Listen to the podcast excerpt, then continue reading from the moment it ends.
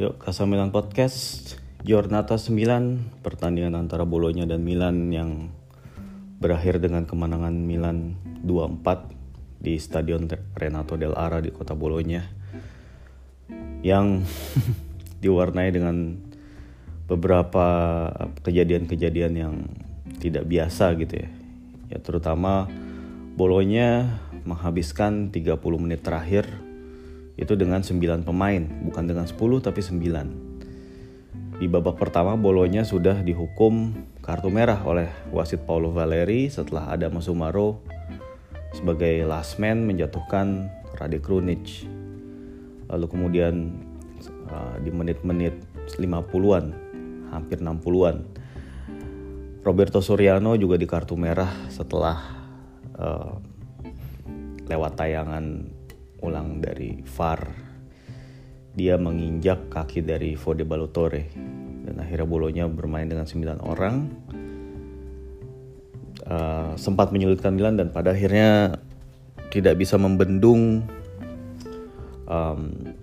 pemain-pemain um, seperti Benacer maupun Zlatan Ibrahimovic yang kemudian menjadi penentu. Nah ini mungkin sedikit konklusi aja dari game bolonya Milan ya dari ini dari sisi hasil.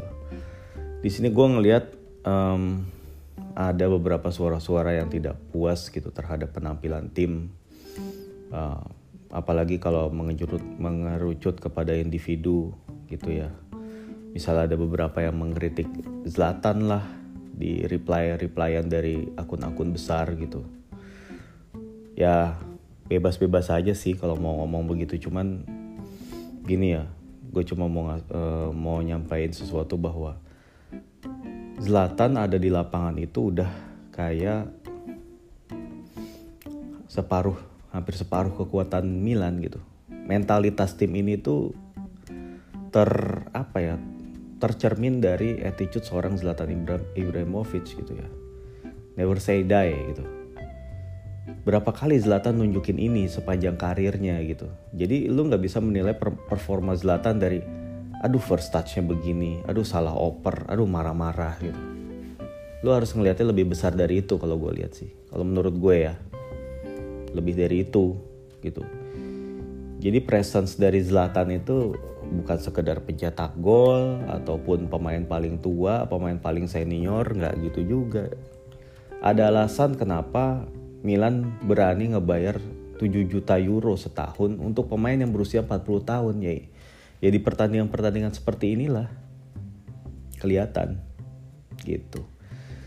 Berapa kali lu ngelihat Zlatan kayak gini dihajar, dihajar, diprovokasi gitu ya. Melakukan kesalahan ya, tendangannya ditepis digagalkan kiper diblok sama back tapi dia nggak pernah menyerah gitu.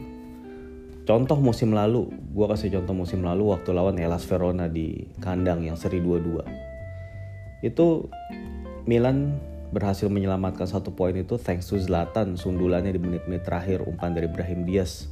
Itu gue masih inget banget. Itu kejadiannya di pertandingan itu tendangan ya Milan sempat dapat tendangan penalti tapi tendangannya Zlatan yang ngambil penalti itu ditahan oleh Marco Silvestri. Kalau pemain dengan mentalitas yang biasa-biasa aja itu udah ngedown duluan, udah kayak ah udah deh kelar-kelar kalah gue gitu. Tapi ini Zlatan men, kita membicarakan Zlatan dan tadi juga terulang Zlatan bikin satu gol bunuh diri yang membuat bolonya bangkit ya dari ketertinggalan 0-2 lalu kemudian golnya Zlatan gol bunuh dirinya Zlatan tuh bikin bolonya jadi naik lagi semangatnya dan akhirnya bisa mengimbangi dua sama. Kalau pemain biasa lagi-lagi itu udah ngerasa pertandingan udah kelar gitu. Tapi lain halnya Zlatan. Dia akhirnya masih terus bermain. Dia main 90 menit juga loh anyway dia main 90 menit dan dia nyetak gol di menit-menit akhir dan memastikan kemenangan Milan. Itu menurut gue udah pertama ya dari sisi Zlatan itu udah dia udah memberikan segalanya lah gitu. Yang kedua ini dari sisi uh, banyaknya pemain yang absen lagi-lagi ya. Jadwal padat, banyak pemain absen. lu nggak bisa expect a perfect bukan perfect game ya perfect game plan atau perfect set play yang ada terus ya emang ada kalanya di saat-saat kayak gini gitu ya di tengah keterbatasan-keterbatasan ya emang kualitas individu yang digunakan yang dimanfaatin untuk menang gitu loh. Jadi tim itu nggak bisa setiap dalam semusim itu menampilkan sesuatu yang perfect yang sesuai dengan keinginan fans gitu ya. Ada kalanya juga bermain dengan banyak keterbatasan. Ya ketika dalam keterbatasan-keterbatasan ini masih bisa menang ya itu patut disyukuri gitu walaupun emang ada tanda-tanda yang juga apa ya nggak nggak terlalu menyenangkan gitu. Kalau melawan tim yang lebih organized melawan tim yang bermain dengan 11 pemain emang belum tentu menang dengan dengan tak permainan kayak tadi gitu. Tapi anyway ya setiap game punya dinamikanya sendiri punya storyline-nya sendiri gitu. Dan tadi itu lawan bolonya itu game yang sulit dan bisa menang itulah. That's all matters gitu kalau menurut gue dengan apalagi dengan situasi um, nanti Inter akan melawan Juve kalau ya kita nggak tahu lah hasil pertandingannya siapa pun yang menang atau seri gitu itu menguntungkan Milan gitu lalu kemudian Napoli itu akan bertandang ke Roma. Gua rasa Jose Mourinho will give Luciano Spalletti's men hard times gitu bertandang di Olimpico. Ya apa pun hasilnya ya, lagi-lagi ini akan menguntungin Milan in the long term. Kalau misalnya Napoli pun menang gitu, mereka masih tetap uh, hasil sempurna 9 kemenangan beruntun misalnya gitu seperti itu. Ya itu paling nggak menjauhkan Roma dari dari Milan gitu karena kan Roma juga pesaing gitu tapi kalau Napoli seri atau kalah ya Milan bisa di apa bisa di Kapolista gitu ada peluang untuk di Kapolista dan ini penting untuk menjaga atau tetap um, membuat moral tim ini tetap tinggi gitu sekalipun di Liga Champions itu mengalami hasil-hasil yang kurang menggembirakan gitu Dan seperti biasa di line up dulu ya. Tadi gue skip ngomongin line up karena terbawa konklusi.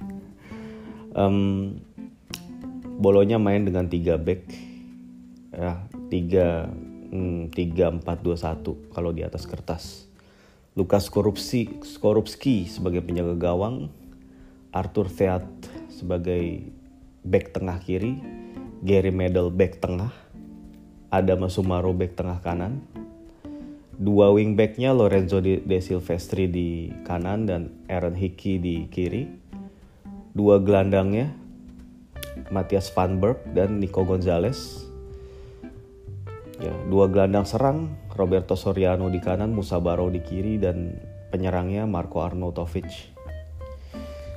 Milan dengan begitu banyaknya pemain yang absen termasuk Brahim dan Theo Hernandez yang masih positif COVID Mike Mignon yang masih menjalani pemulihan tahun 2022 nanti dia baru main um, lalu kemudian Alessio Romagnoli disimpan. Ante Rebic juga masih cedera setelah kemarin di pertandingan lawan um, Hellas Verona. Itu taken knock. Terus kemudian um, siapa lagi yang absen ya? Frank Kessie juga cedera. Eh bukan cedera sih. Dia mengalami flu tapi bukan covid ya. Dia mengalami flu jadi dia juga absen gitu. Jadi starternya Milan itu Tata Rusanu Simon Kayer Tomori uh, Calabria Fode Balotore uh, Benacer Tonali Krunik Leao uh, Samu Castillejo dan juga Zlatan Ibrahimovic. Untuk pertama kalinya Zlatan di musim ini menjadi starter dan Zlatan turun 90 menit. Samu Kasieho ini juga menjadi starting pertamanya, tapi sayangnya Samu menjelang babak pertama selesai dia mengalami cedera, dia megangin dia megangin paha belakangnya dan khawatirnya itu hamstring ya. Dan biasanya namanya cedera hamstring itu pemulihannya nggak sebentar sih, bisa bisa dua minggu atau mungkin sebulan kali ya, tergantung keparahannya aja. Tapi bukan cedera yang bisa pulih dalam hitungan hari sih setahu gue kalau hamstring itu. Karena emang sakit banget buat jalan aja tuh sakit. Gitu. Jadi um, menurut gue ini emang lagi-lagi gue cuma mau singkat aja ngomong ini kemenangan yang patut disyukuri. Karena emang nggak banyak pilihan gitu. Ya Ibra emang banyak turun ya supaya ngebuka ruang. Ibra main ke mana-mana jemput bola ke sayap ke tengah gitu. Karena emang tidak ada pemain yang punya kemampuan untuk ngatur gitu ya. Ngatur bermain di ruang antar lini gitu ya. Playmaking ya ya nggak selalu playmaking juga kayak pokoknya ya menjadi pemantul, menjadi yang penarik pemain belakang itu, pemain belakang lawan. Ya biasanya kan role itu bisa dilakukan oleh Brahim gitu ya. Cuman ya Brahimnya masih absen, Daniel Maldini masih belum ya masih belum terlalu meyakinkan ya, masih terlalu muda.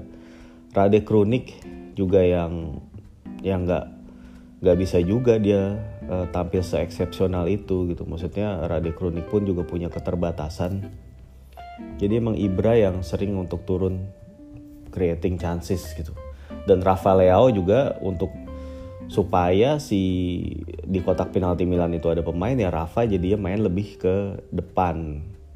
Sementara di sisi kiri ya Fode Balotore yang apa namanya menyisir flank gitu. Terus kemudian ya Tonali dan Benacer itu sebagai ball sebagai passer dan juga ball carrier. Davide Calabria itu menjadi pemain yang lebih ofensif setelah Theo absen. Jadi sisi kanan Calabria itu emang lebih aktif daripada Balotore terutama di babak pertama ya. Gitu. Nah bolonya ini timnya Spartan. Tim yang isinya pemain-pemain muda. Menurut gue bolonya itu berprospek loh. Pemain-pemain muda kayak si Svanberg, Scouten, uh, Scotland tadi main babak kedua. Terus Aaron Hickey. Belum masih punya uh, Emmanuel Vignato. Terus um, TAT juga bagus. Terus uh, Marco Arnautovic ya bukan pemain muda sih. Tapi menurut gue Arnautovic itu pembelian yang bagus banget buat bolonya. Dia pemain yang ini banget ya mentalnya bagus gitu. Seorang winner juga. Dan tadi uh, Marco Arnautovic tuh mainnya bagus walaupun dia nggak nyetak gol gitu ya. Tapi dia beberapa kali menciptakan peluang ya. Ada satu peluang di mana pada saat bolonya main dengan 9 pemain dia um, two sama si Svanberg ya. Cuman ya pada saat dia nerima return ballnya itu kontrol bolanya kurang oke. Okay. tapi masih sempat ngejar bola membuat Tata Rusano tuh melakukan save dan memenangkan corner kick untuk Bolonya. Gitu ya. Gol pertama Milan itu bagus sih kalau ngomongin soal gol ya. Tapi emang itu ada deflected ya. Ada deflected dari Gary Medel soal tendangannya Leo jadi anyway itu tetap umpan terobosan yang bagus banget dari Ibra buat Leo Leo dengan finishing yang bagus dia on fire ya udah nyetak 4 gol ya berarti Leo ya. 4 atau 5 sih? Kan golnya dia tuh lawan Cagliari lawan Lazio lawan apalagi sih kok gue lupa ya? Kemarin ya pas lagi lawan bentar lawan Hellas dia golin gak sih? Ya pokoknya kalau nggak salah dia tuh 4 ya 4 gol ya. Ya musim ini ya. Itu gol yang bagus sih waktu lawan Bolonya itu. Terus kemudian uh, Davide Calabria itu nyetak gol setelah ada crossing dari Balotore yang uh, gagal diamankan oleh Skorupski. Bola jatuh ke Samu Samu lepasin tendangan di blok. Bola jatuh ke Calabria yang langsung menghujam gawang bolonya. Ya emang dua gol itu bukan dari skema yang rapi-rapi banget. Itu kan kalau gol pertama dari emang umpan terobosannya Zlatan yang emang bagus gitu bukan skema-skema yang biasa diperlihatkan ya. Golnya Calabria itu juga dari kayak dari kemelut gitu. Kayak bukan dari skema juga. Ya terus tapi bolonya pun juga emang yang mereka lakukan itu. Ya terutama setelah kehilangan si Somara Somaro.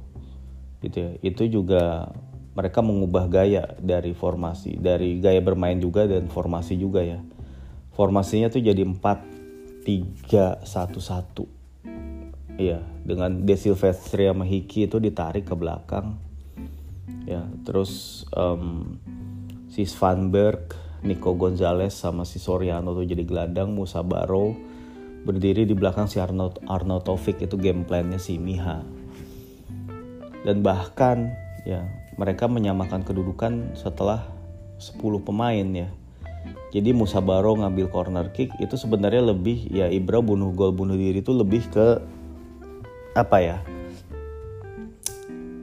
Uh, lebih karena Bakayoko gagal menghalau bola sih.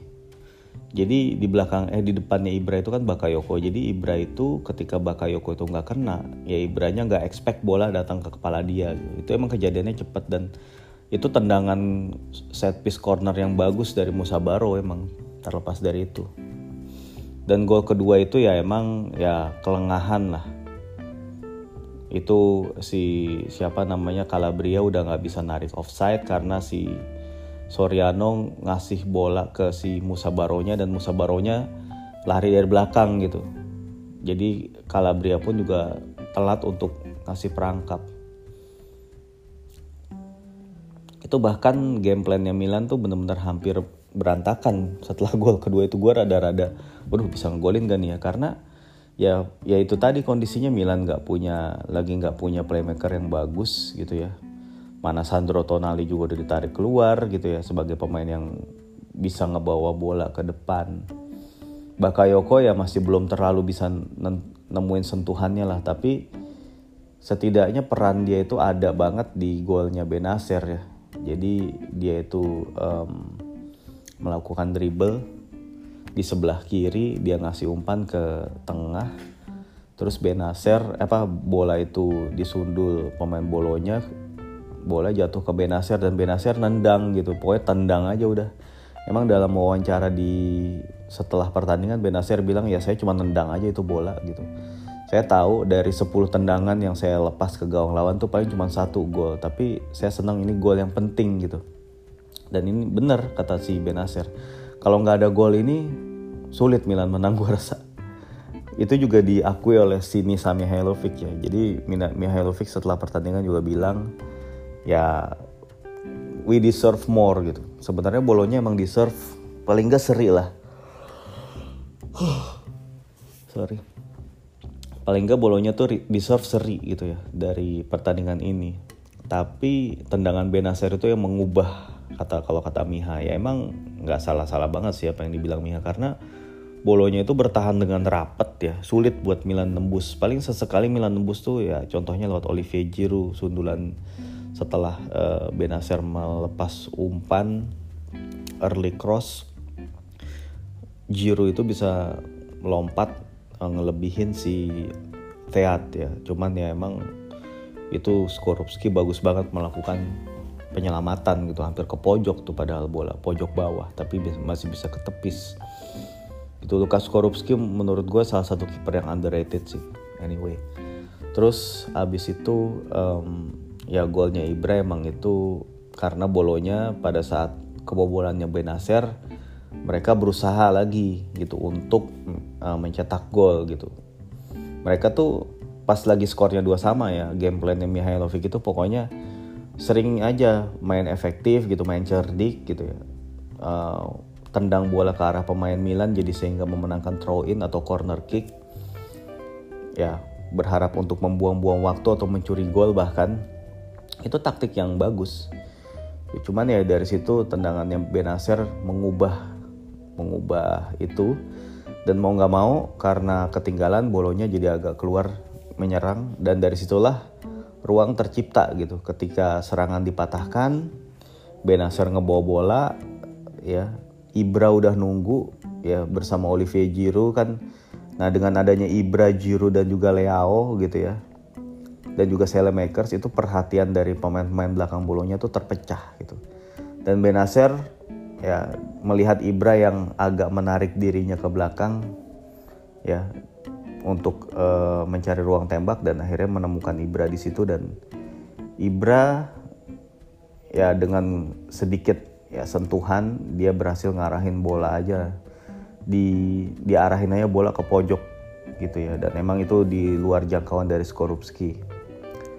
Ya itulah seorang Ibra menurut gue.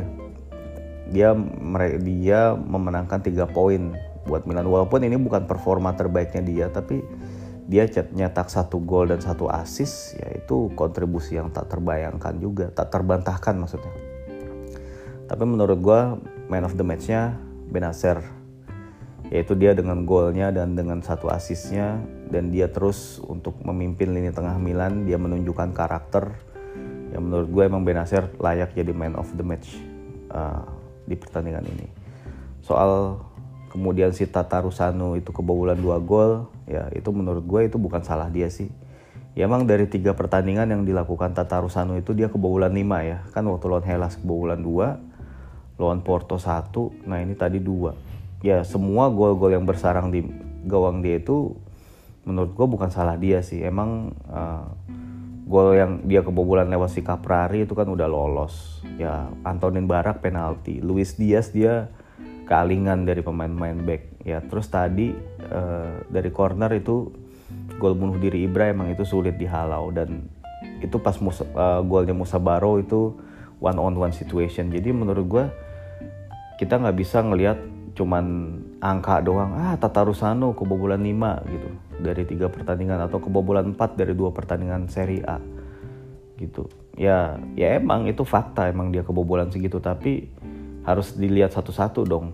Dari coba dihitung dari dia kebobolan expected goalsnya tuh berapa. Atau ya emang ya kebobolannya tuh karena apa gitu. Ya berarti kalau gue bilang harus case by case yang lihatnya. Gitu dan gue rasa sih ya staff pelatih lebih tahu lah untuk itu. Yaudah anyway itu aja sih uh, yang mau gue review singkat gitu ya. A good win yang patut yang patut disyukuri sayangnya Samu cedera. Dan semoga nggak ada lagi kabar pemain lain yang cedera juga lah karena kita membutuhkan sebanyak mungkin pemain untuk fit gitu ya. Di midweek nanti akan menjamu Torino di San Siro. Gitu ya. Yaudah itu aja deh. Uh, see you later sampai jumpa lagi dalam episode episode mendatang. Sorry kalau ada kata-kata yang kurang berkenan. Ciao